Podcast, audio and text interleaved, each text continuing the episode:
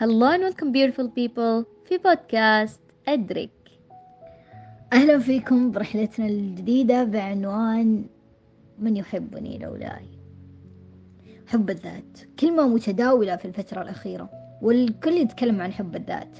أصبحنا نسمع عبارات مثل إذا تحب نفسك لازم تقرأ كتاب إذا تحب نفسك لازم تصحى أربع الفجر مثلا.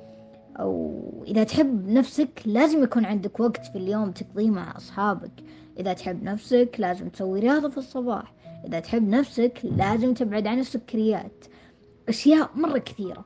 هل حب الذات له قاعدة موحدة لازم الكل يطبقها؟ في الآونة الأخيرة أصبح حب الذات نوع من أنواع جلد الذات. على سبيل المثال إنسانة ما تستمتع بقراءة الكتب لكن إذا ما قرأت تجلد ذاتها لأنها تعتقد الإنسان إذا يحب نفسه لازم يقرأ كتاب.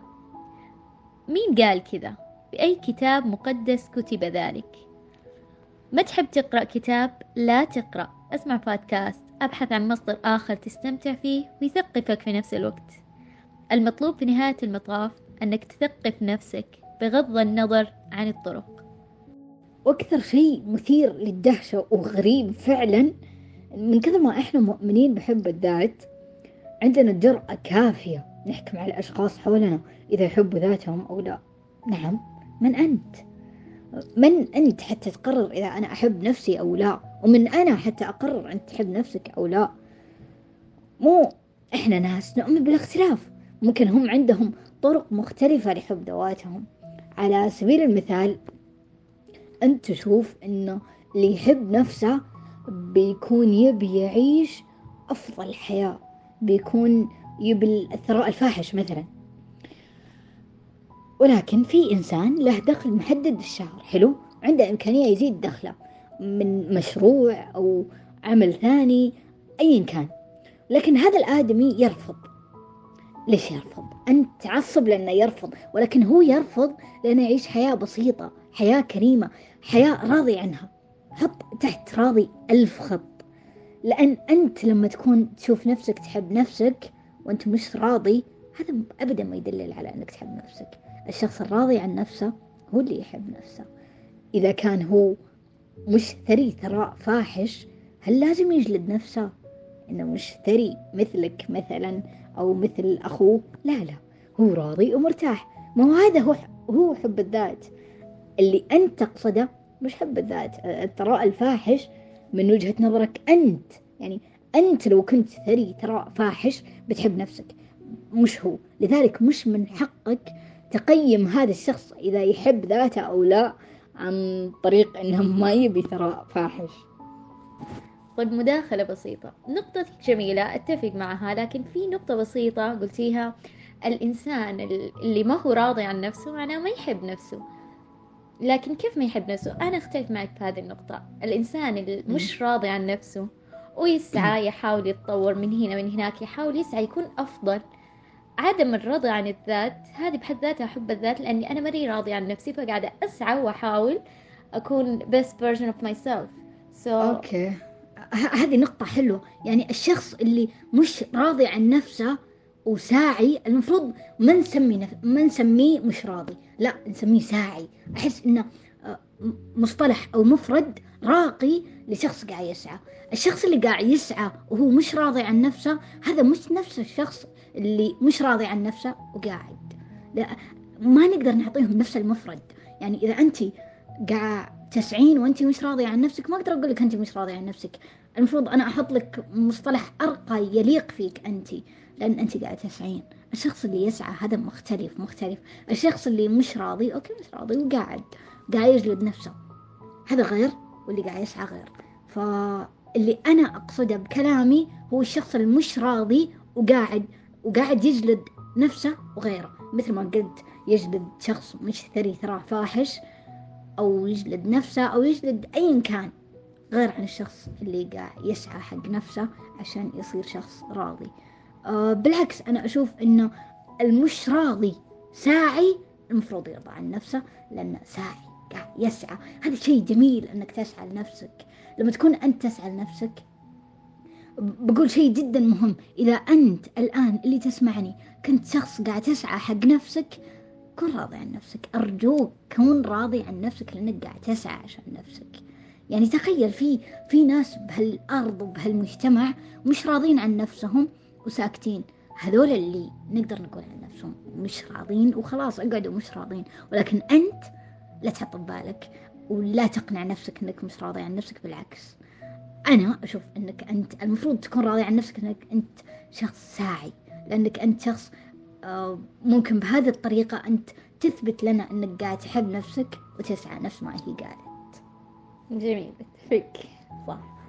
أتفق ولا مغصوب تتفق؟ لا أتفق. حب الذات مرتبط بأولوياتنا. إذا استثمرنا وقتنا وجهدنا في أولى أولوياتنا نشعر بالحب والرضا والسلام. حب الذات ليس فقط الاعتناء بالجسد والفكر وتحقيق الإنجازات. حب الذات يعني الاعتناء بالروح.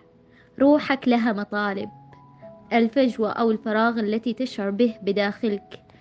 الأيام التي تشعر بها حتى النفس ينزف طاقتك. الأيام التي تميل فيها لقضاء أغلب أوقاتك في السبات الطويل فرارا من ألمك. هذا صراخ روحك.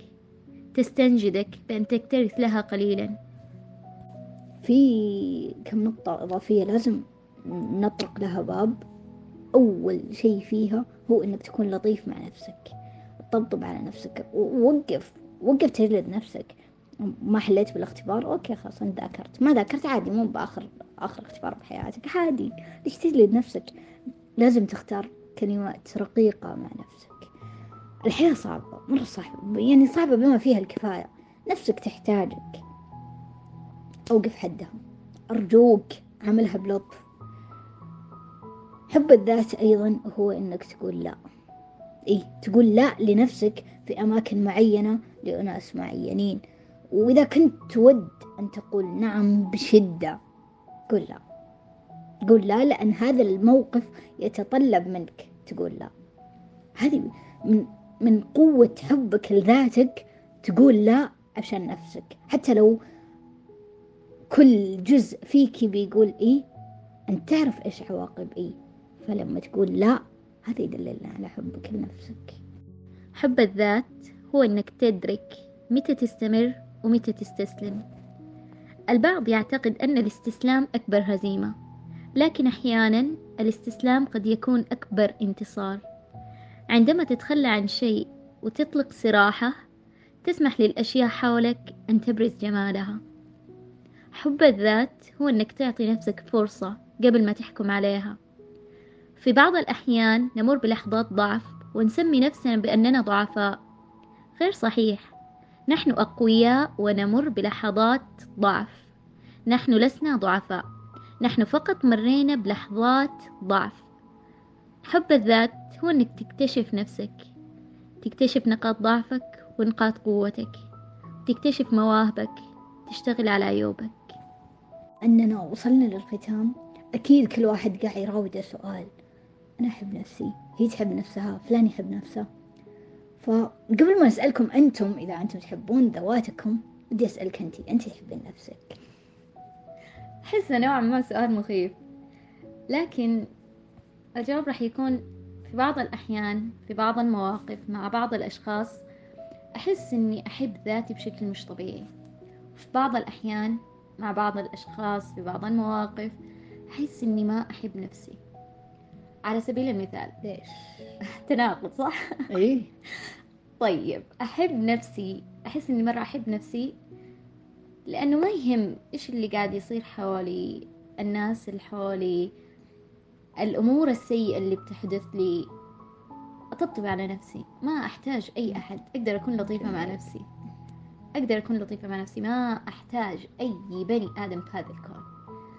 أنا مرة لطيفة مع نفسي. مرة مرة الكلام الكلمات اللي أختارها أنتقيها للحديث مع نفسي هذه بحد ذاتها لما أكتبها أقول واو برافو عليكي! حقيقة. لكن في بعض الأماكن أحس بضعف أحس لا أنا ما أحب نفسي. وهذا الأمر صراحة قاعدة أحاول أشتغل عليها صار لي مدة. مرات okay مرات يعني ما شاء الله علي لكن مرات ثانية لا أضعف. واللي هو أنا إنسانة إذا أبى أقول إيه أنا نفسي أقول إيه ما أعرف أقول لا.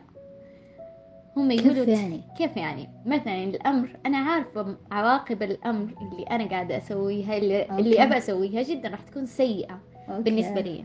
لكن مع ذلك أقول إيه آه، طيب لأن وأسويها. okay. لأني أنا أباها. في هذه اللحظة أنا أبى أسويها.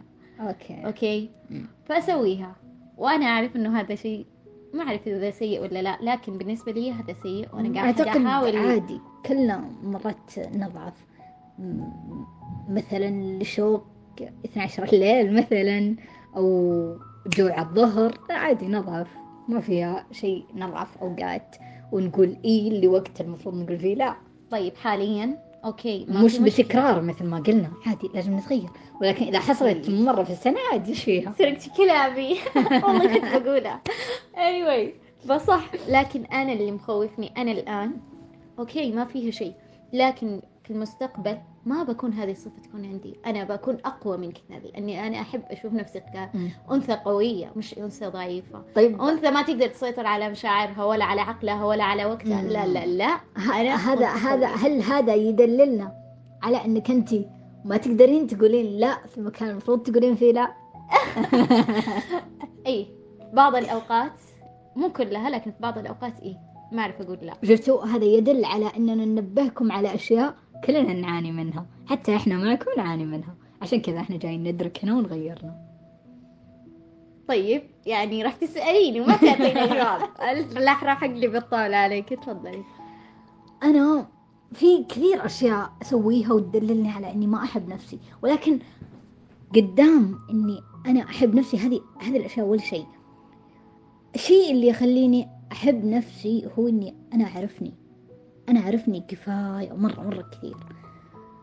هذا الشيء يساعدني يساعدني كثير أحب نفسي لأني أنا أعرفني أنا أستوعب كل جزء فيني. ولما أصير أتغير لما شخصيتي تبدأ تميل أو آه، تنزل درجة للأسفل أكون أستوعب هذا الأمر. أقدر أرجعني ليش؟ لأني أعرفني.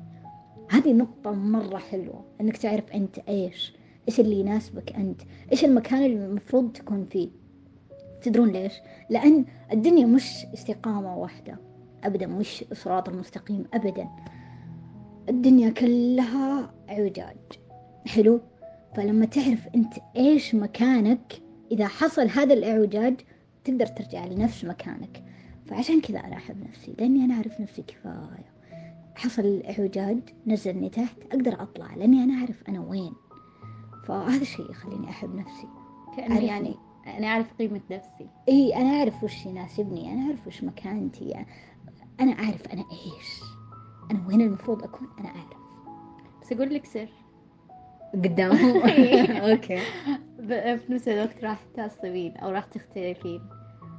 إحنا نعتقد إننا نعرف نفسنا كفاية لكن مع التجارب اللي نمر فيها والمواقف اللي ننحط فيها ما هي هي اللي ما تغيرنا إحنا تغيرنا ونصير خلاص. فراح تعرفي بعدين في. المستقبل ما بعرف نفسي أكثر بعرف الأشياء الجديدة يعني. الآن أنا أحس إني أعرفني كفاية وأنا متقبلة هذا الشيء فيني مئة بالمئة أنا متقبلة نفسي حلوين إذا حصل شيء مستقبلا ومثل ما تقولين إن مواقف تغيرنا فهذه بتكون أشياء إضافية على شخصيتي مش شخصية جديدة علي لأني أنا أعرف يعني ال- اللي بقوله راح تكتشفي نفسك أكثر أنت تقولي أعرف نفسي كفاية. لا حقيقة أنت ما تعرفي نفسك كفاية. وما بحكم سيريسلي تونا ما قايلين. بحكم. لكن لكن كتجربة راح تعرفين أشياء جديدة عن نفسك راح تنبهرين من نفسك وأكثر وأكثر. وأكثر طيب ما هو هذا بيكون بالمستقبل. للآن أنا أحس إني أعرفني كفاية. لو حصل شيء جديد عادي أنا بتعرف على نفسي أكثر ما عندي مشكلة. ولكن للآن في المواقف اللي مريت فيها بحياتي أو أيا كان حصل بحياتي أنا عندي رضا تام عن شخصيتي ومعرفة كافية فيها. ولكن إذا بتعرف علي مستقبلا أكثر ما أمانع في هالشيء. واو أوكي جميل. حلوين. وبكذا انتهينا من موضوعنا اليوم. انتظرونا في المحطة القادمة بعنوان غادرني أنا أسام.